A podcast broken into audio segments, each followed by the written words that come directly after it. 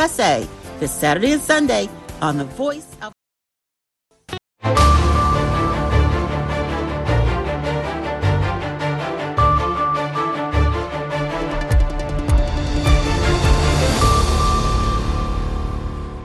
subax wanaagsan dhegaystayaal kuna soo dhowaada idaacaddayada subaxnimo oo idinka imanaysa laanta afka soomaaliga ee v o a washington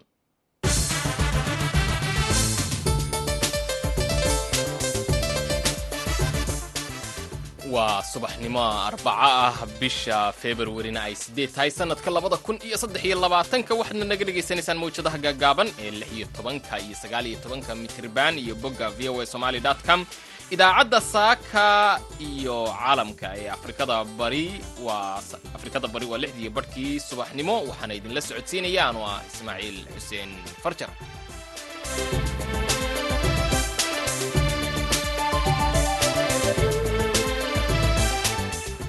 idaacaddeenna saaka iyo caalamka qodobada aad ku maqli doontaanna waxaa ka mid a warbixin iyo falanqayn ku saabsan khudbad uu goordhow uu jeediyey madaxweynaha dalkan maraykanka jo biden una jeediyey shacabka maraykanka taas oo ah khudbadda loo yaqaano state of the union oo ay madaxda maraykanku sannadkiiba mar shacabka kula hadlaan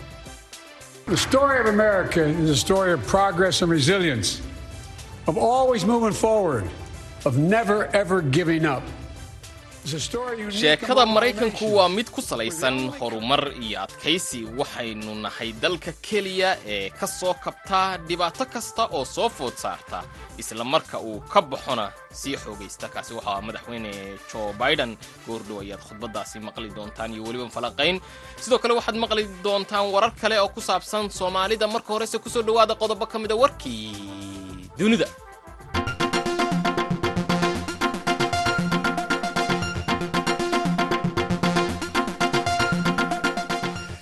madaxweynaha dalkan maraykanka jo biden ayaa khudbad sanadeedkiisii ka horjeediyey labada gole ee kongareska maraykanka isagoo khudbadiisa kaga hadlay guulaha uu gaadhay intii uu xafiiska joogay iyo weliba qorshayaashiisa. Arrimaha uu sida gaarka ah diiradda u saaray waxaa ka mid ah siyaasaddiisa dhaqaalaha gudaha oo ay ku jirto codsi uu u jeediyey xisbiga mucaaradka ah ee jamhuuriga si ay u wada shaqeeyaan madaxweyne jo biden ayaa soo bandhigay sida maamulkiisu uu u dejiyey siyaasadihii lagaga soo kabtay saameyntii dhaqaale ee xanuunka covid -19 isaga oo sheegay in haatan uu maraykanka gaadhsiiyey in uu abuuray fursadihii shaqo ee ugu badnaa ee madaxweyne la doortay uu afar sano ku abuuro wuxuuna sheegay in laba sano oo xafiiska joogay in uu abuuray in ka badan laba iyo toban milyan oo shaqo madaxweyne jo biden ayaa soo hadal qaaday sinaan la'aanta dhinaca cashuuraha gaar ahaan in shirkadaha waaweyne aanay bixinin cashuurihii laga rabay isaga oo sheegay in sharci cusub oo uu saxeexay in uu horseedayo in shirkadaha balaayiinta dollar sameeyaa in la cashuuro ilaa shan iyo toban boqolkiiba madaxweynaha ayaa khudbadiisa diiradda ku saaray qodobo kala duwan oo taabanaya ammaanka xidhiidhka maraykanka ee caalamka iyo weliba qodobo kale khudbadaas oo faahfaahsanna goordhow ayaad maqli doontaan. Tirada dadka ku dhintay dhulgariiradii xooganaa ee ku dhuftay dalka turkiga iyo siiriya salaasadii ayaa gaadhay in ka badan toddoba kun iyo siddeed boqol oo ruux kooxaha gurmadka ayaa isku dayaya in ay naf ku gaadhaan dad badan oo ku go'doonsan guryaha ku dumay oo ay ku hoos jiraan xilli uu jiro qabow aad u daran oo ah xilliga jiilaalka. Qaramada midoobay ayaa ka digtay in kumanaan carruur ah ay ku jiri karaan dadka dhintay. Madaxweynaha dalka turkiga rajab tayib erdogan ayaa ku dhawaaqay saddex bil oo xaalad deg deg ah oo la geliyey ilaa toban gobol oo uu saameeyey dhulgariirku dhulgariirkii koowaad ayaa xaddigiisu ahaa toddoba dhibic sideed halka kii xigayna lagu qiyaasay toddoba dhibic shan. Labaduba waxay garaaceen koonfurta turkiga iyo waqooyiga dalka syriya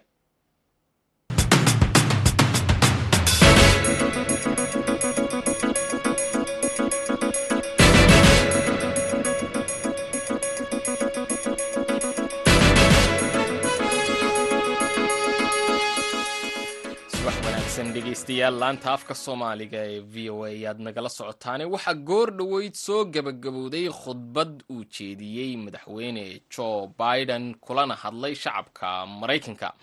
Khudbadan oo lagu magacaabo state of the union ayaa ah fariin sannadla ah oo uu madaxweynaha maraykanku ka horjeediyo xarunta kongareska oo ay si wada jir ah u wada fadhiyaan xubnaha kongareska ee maraykanku khudbadaasi waxaa daawaday wariyaha v o eda maxamed cabdi xasan sandheere oo istuudiyaha igula sugan.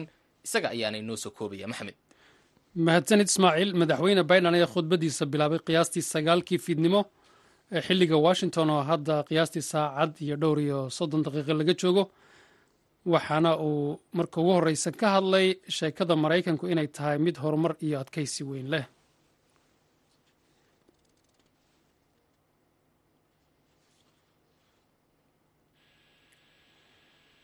The story of America is a story of progress and resilience, of always moving forward, of never ever giving up. It's a story unique among all nations. We're the only country waxa uu yidhi sheekada maraykanku waa mid ku salaysan horumar iyo adkaysi waxaanu nahay dalka keliya ee ka soo kabta dhibaato kastaoo soo food saarta islamarka uu ka baxana sii xoogaysta taasina waa waxa aan mar kale samaynayno madaxweynaha ayaa ka hadlay in dhaqaaluhu uu sii leecayay haatanna uu xoog badan yahay.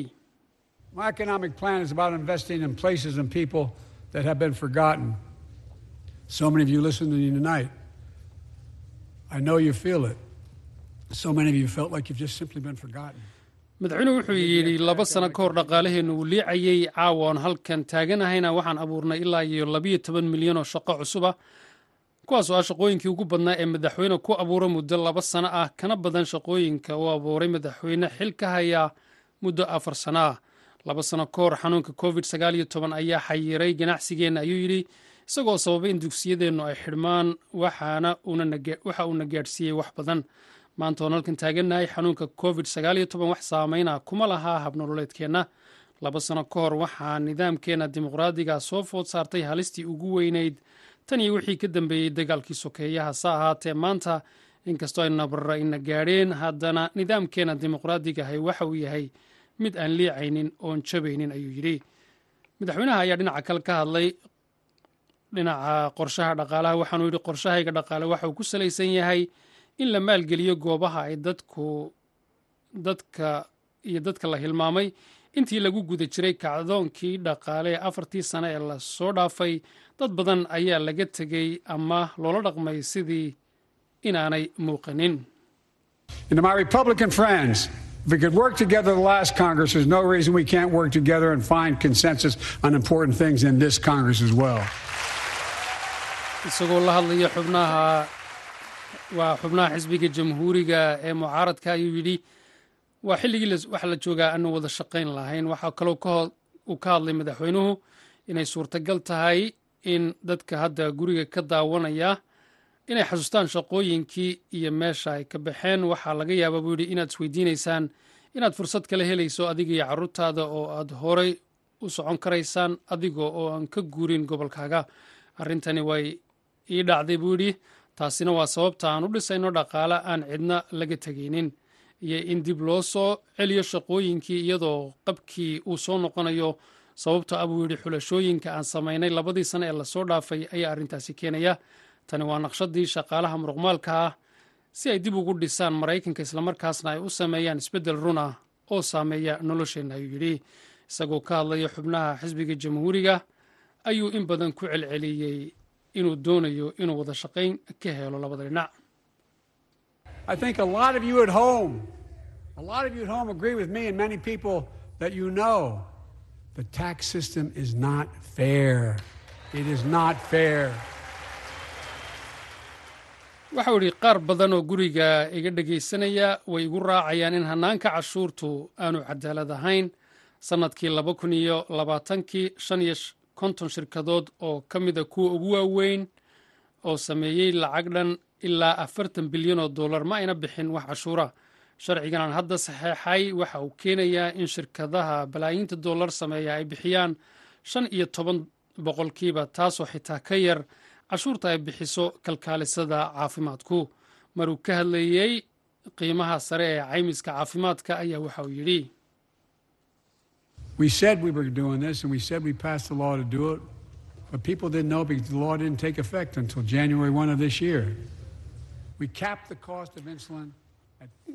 waxau yidhi maalin walba malaayiin qof ayaa u baahda maadada insuliinka si ay u xakameeyaan xanuunkooda macaanka si ay u sii noolaadaan. Insuliintu muddo boqolaal sana ayay jirtay. Shirkadaha daawooyinka sameeya waxa ugu kaca toban dollar inay sameeyaan. Hase yeeshee shirkadahan waaweyni waxay si aan cadaalad ahayn dadka uga iibiyaan boqolaal dollar si ay iyagu u faa'iidaan. Taasi ma sii jiraysa ayuu yidhi hadda waxaan ka dhignay qiimaha insuliinta bishii shan iyo soddon dollar oo keliya kuwaasoo dadka waaweyni ay bixinayaan. Madaxweynaha maraykanka ayaa khudbaddiisa kaga hadlay dhinacyada amniga iyo arrimaha dibadda. Maruu amniga gudaha ka hadlayey waxauu tusaale u soo qaatay dil askar booliisi ay u geysteen wiil dhallinyaro ah gobolka tennessee. Waxa uu sheegay in loo baahan yahay in la tababaro ciidamada askarta si ay u ilaaliyaan nafta muwaadiniinta. Ismaaciil aad baad umahadsan tahay maxamed cabdi sandheere oo inala socodsiinayey warbixintaasi. Madaxweynuhuna goordhowed ayuu khudbadiisa soo gabagabooyey. Haddaba maxaa ugu muhiimsanaa khudbadihii uu jeediyey madaxweynaha? Sideese uga falceliyeen xisbiga jamhuuriga? Su'aashaas iyo kuwo kaleba waxaa ka jawaabi doonaa faysal deri oo ka tirsan xisbiga jamhuuriga iyo asad cali weyd oo ka faallooda arrimaha maraykanka madaxna ka ah xarunta horumarinta ameerikada cusub. Labadooduba waxay ku sugan yihiin gobolka minnesota. Waxaan filayaa in ay maqlaysaan?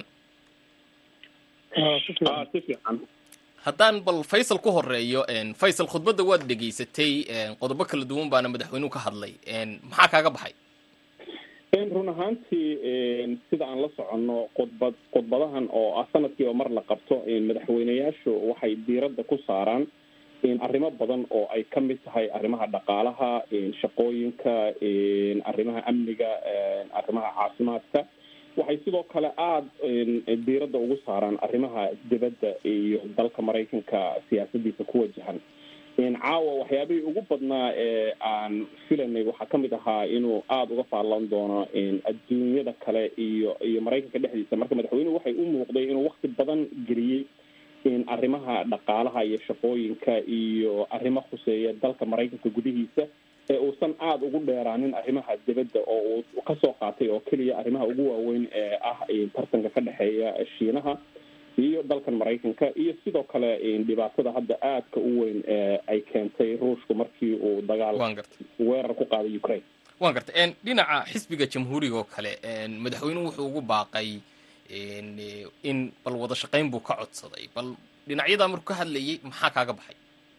Run ahaantii madaxweynuhu wuxuu haystay laba sannadood oo fursad aada u qaali ah oo uu labada aqalba xukumayay waxaa xaqiiq ah oo dhab ah uu og yahay madaxweynuhu inuu in waddada soo socota ee siyaasaddu ay noqon doonto waddo aada u dhib badan oo ay iskaga hor imaan karaan isaga iyo xisbiga jamhuuriga ee haatan gacanta ku haya aqalka hoose ee dalka maraykanka baarlamaanka. Marka tani waxay gogol xaad u sii muuqanaysay inuu madaxweynuhu mar walba xasuusinayo jamhuuriga inuu diyaar u yahay wada shaqayn. Taas ayaa muhiimadda uu rabaa ay tahay iyadoo laysku khilaafsan yahay waxyaabo aada u badan oo ah sharciyadii uu qaar isagu ansixiyey labadii sane hadda la soo dhaafay iyo kuwa hadda u baahan in la ansixiyado waan gartay waan kugu soo noqon doonaa faysal khadka igu jira. Asad baan u imanaya. Asadow adiga maxaa kaaga baxay khudbadda madaxweynaha?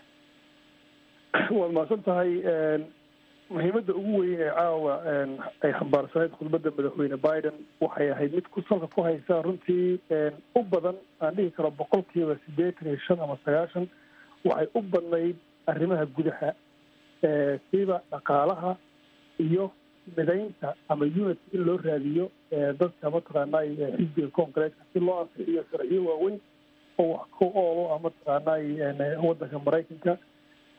Waxa uu ka hadlay madaxweynuhu waxyaabaha ka hadlay waxaa ka mid ahaa dhaqaalaha waddanka oo runtii wuxuu yihi markii ana waan imanayay meeshuu joogay maanta meeshu waxay kala duwan yihiin wuxuu ku faanay inuu abuuray laba iyo toban milyan oo shaqo oo uusan jirin madaxweynaha horey u abuuray shaqa intaa la-eg wuxuu ku faanay in muddadii covidka uu baabi'iyey mataqaanay ganacsiyadii uladii xiray khasaare aada u fara badan uu noo geystay in maanta wixii oo dhan ay noqotay wax mataqaanay inagu maaragtay hawlaheena naga gudbay dib loo abuuray.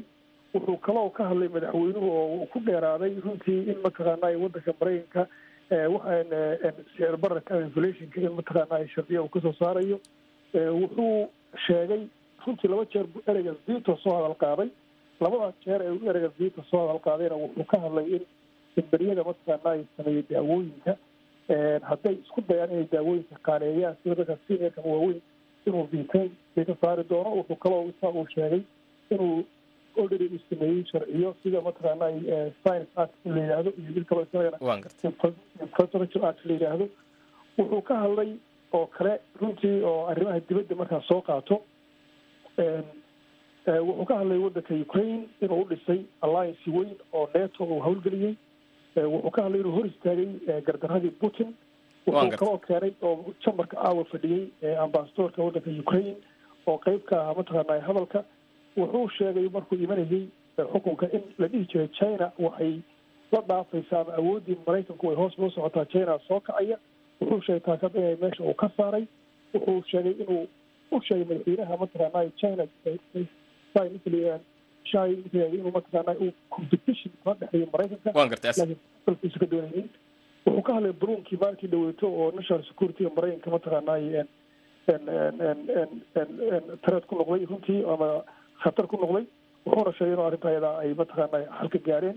Waan gartay waan gartay. Waan ku soo noqon doonaa asadow faysal baan dib ugu noqonayaa. Faysalow ma isleedahay madaxweyne waxaad moodaysa caawa sidii asad laftigiisuna uu carabaabay adiguna aad carabowday inuu xoogga saaray dhinaca siyaasadda gudaha gaar ahaan dhinaca dhaqaalaha. Ma isleedahay fariimihii ay dadweynuhu isweydiinayeen wuu ka jawaabay madaxweynuhu markaad khudbadiisa eegtay? Run ahaantii madaxweynaha waxyaabaha ugu badan ee haatan uu aada uga uga baqdin qaba isaga iyo xisbigiisuba sanadka labada kun iyo labaatan iyo afarta waxa weeye waa arrimaha dhaqaalaha. Waxa uu madaxweynuhu dhowr mar ku celcelinayay arrimo badan oo qaarkood ay ahaayeen weeraro uu ku qaadayay si dadban iyo si toosaba xisbiga jamhuuriga.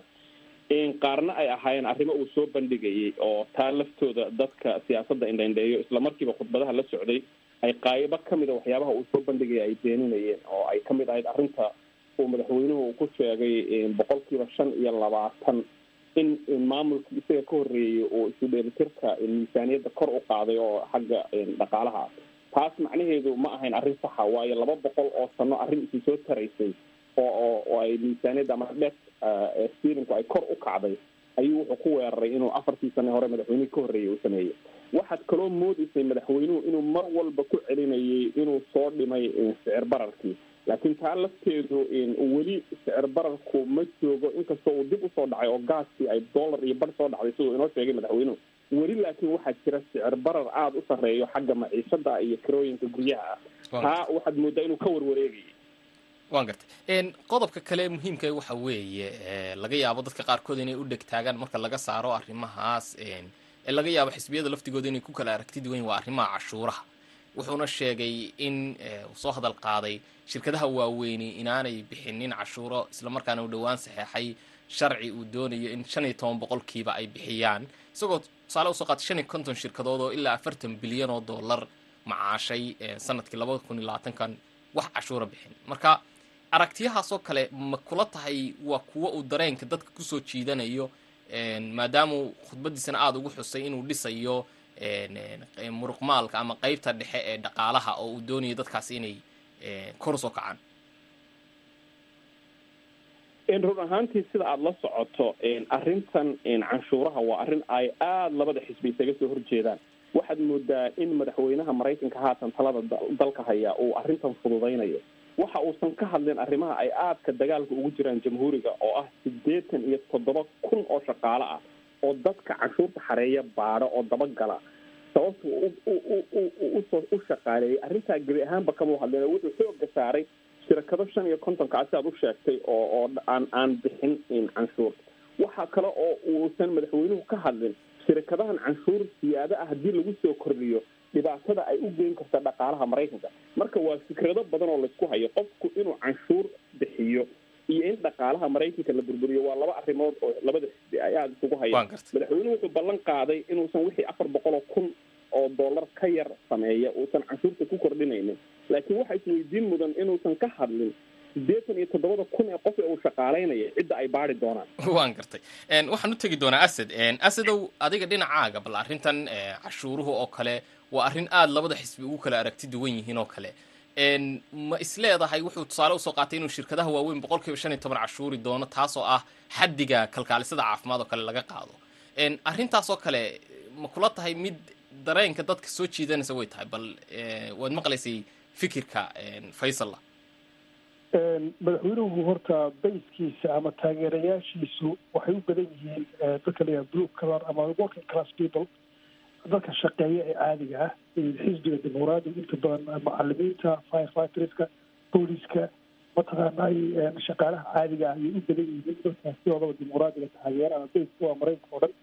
Wuxuu si toos caawa u sheegay runtii inuu mataqaanay uu uu soo saari doono sharci sharcigaasoo mataqaanay baanash garayn doona ugaarsanna doono kuwa horta markuu yidhi laba boqol oo bilyan bay kamriya faa'iideen oil iyo waxaa ka shaqeeya energy. two hundred billion dollars. Wuxuu kaloo sheegay maalqabeenihii inay bixiyaan cashuur ka yar cashuurta ay bixiyaan macalimiintu ama dadka debdemiska ah markaas wuxuu sheegay inuu samayn doono sharci la dagaalama ninka mataqaana luug hooliska taxiga yaqaana saad ogtahayna dadkan corporate america ama mataqaanay billionairesku waxay yaqaanaan sharciyo ay ku garamarayaan inay cashuuraha bixiyaan trump baa madaxweyne hore waddanka waxaa lagu eedeyn jiray inuusan cashuuro bixinin isna wuxuuba sheegay waa sida bilada u yidhi luug hooliska aad samayseen baan ka faa'idaystay marka wuxuu runtii caawa dagaal u cadaystay in kambaniyada soo saara daawooyinka oil energy-ga iyo waxa lamidkay uu mataqaanay billions of dollars oo sameeya cashuuraha mataqaanay aan bixinin inuu mataqaana uu shaqa ka qaban doono administrationkiisu republicanku way ku buuqeen runtii caawa chamberka uu fadhiyey meesha uu fadhiyey waxaa ag fadhiyey ninkii kevin mccarty ninka la dhoortay republicanka ah last year sannadkii hore waxaa fadhiyey gabadha nancy pelosi oo iyadoo ahayd speakerka markaad aragto markasta waxaa istaagaysay madaxweyne ku-xigeenka harris laakiin markaas uu fadhiisanayay fikradaha una ku raacsaneen oo dhan markaa waad arkaysa mararka qaarkood lagu oranayo arrimaha policyga ee dhaqaalaha ama taxiga iyo qaabka u hadlayo doonisiga in badan oo ka mid ah runtii xisbiga dimuqraadi ee republicanka kuma ay raacsanayn laakiin wuxuu isagu la hadlaayay una gobol xaarayay electionka soo socda iyo xisbiga dimuqraadiga mataqaanaa decisionkooda waxa uu yahay. Iyo waxa mataqaanaa taageerayaashiisu ay rabaan. Wa garta su'aasha ugu dambeysaan faysal siin doonaa faysalow marka laga eego dhinaca siyaasadda arrimaha dibadda maxaad si leedahay madaxweynuhu wuu uga gaabsaday inuu qodobo badan oo muhiim ah inuu ka hadlo oo oo laga yaabo dadka qaarkood inay su'aal iska weydiinayaan. Waxaana inta badan caado ahaan jirtay in madaxweyneyaashu ay khudbadoodan oo kale ku xusaan siyaasadooda arrimaha dibadda iyo waxyaabaha mare dad shacabka maraykanka ay iska weydiinayaan. Run ahaantii arrimo badan ayaa ilaa maanta laga faalaynayay iyo hadda markuu khudbadda jeediyey kadib. Madaxweyneyaashu mar walba waxay tusaale u soo qaataan guulaha ay gaadheen intii ay xilka hayeen khaasatan sanadkaa u dambeeyey waxaanad moodaa in aan guulo waaweyn oo hadda madaxweynuhu uu sheegan karo uusan arrimaha dibadda ka gaadhin khaasatan dagaalkan in ukraine oo oo oo ilaa hadda sidii la moodayay aan aan noqon. Sidoo kale arrimahan in in la xakameeyo in awoodda sii ballaaranaysa ee dalka shiinaha oo uu madaxweynuhu ugu yeedhay in inuu rabo inuu tartan la galo laakiin uusan colaad la gelin. Taa lafteeda ayaa ahayd meesha keliya oo uu islahaa waad weerari kartaa. Lakiin haddii la fiiriyo arrimaha dibadda ee ku wajahan waddamada deriska la-a maraykanka khaasatan mexico oo dad badan oo oo ay ay ka soo gelayaan haddaad fiiriso arrimaha yurub haddaad fiiriso arrintii sacuudiga ee uu ku fashilmay iyo iyo iyo middle eastiga waxaasoo dhan ayaa waxay keenaysaa inuu soo koobo keliya meelaha uu islahaa guulaad ka gaadhay keliya. Waan gartay. Aad baad maasteen waxaan ku soo gabagabanayaa asad. Haddaan hal daqiiqa ku siiyo aragtida isla su'aasha aan weydiiyey faysal maxaad ku daraysaa madaxweynuhu wuxuu runtii aada ugu faanay arrimaha dibadda markay noqoto in uu hor istaagay weerarkii gardarrada ahaa ee putin ku qaaday ukraine. Wuxuu sheegay inuu dhisay coalition ama ama neto inuu uu dhaqaal ahaan iyo military ahaanba u garab istaagay wuxuu sheegay inuu maraykanka u taagan yahay inuu ka hortago waxa la yidhaahdo gardarrada ama iyo kirdikarsimada wuxuu sheegay inuu markaas difaacayo dimuqraadiyadda wuxuu sheegay inuu markaas maraykan ku taagan yahay inuu difaaco madax banaanida waddamada wuxuu sheegay oo si mataqaanay aada ugu sheegay dagaalka ukraine inuu yahay tijaabo lagu soo qaaday world orderka ama waxay dhahaan mataqaana qaabka hadda adduunka ugu socda dagaalkii dhowgaa ka bacdi waan gartay. Aad baad umahadsan tahay kaasi wuxuu ahaa asad cali weyd oo ka tirsan ama ka faallooda arrimaha maraykanka madaxna ka ah xarunta horumarinta amerikada cusub iyo weliba faysal deri oo ka tirsan xisbiga jamhuuriga. Labaduba waxay ku sugan yihiin gobolka minnesota. Halkaad kala socoteenna waa idaacadayda subaxnimo ee laanta afka soomaaliga ee v o a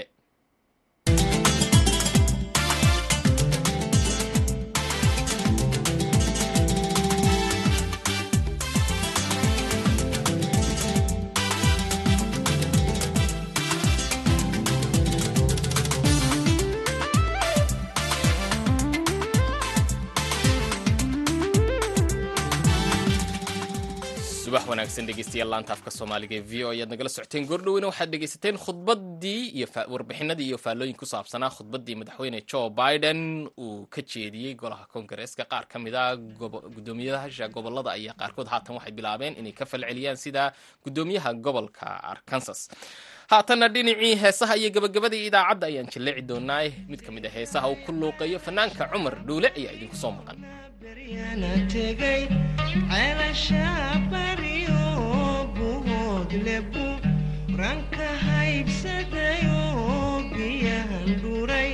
Birta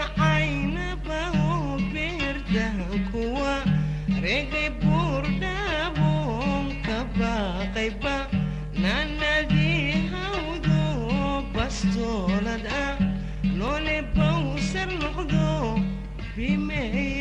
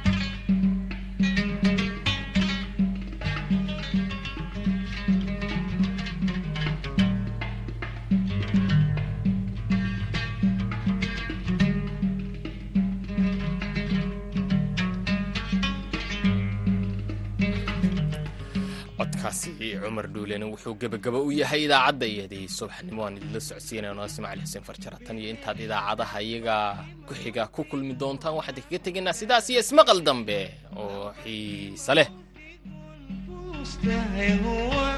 Nayse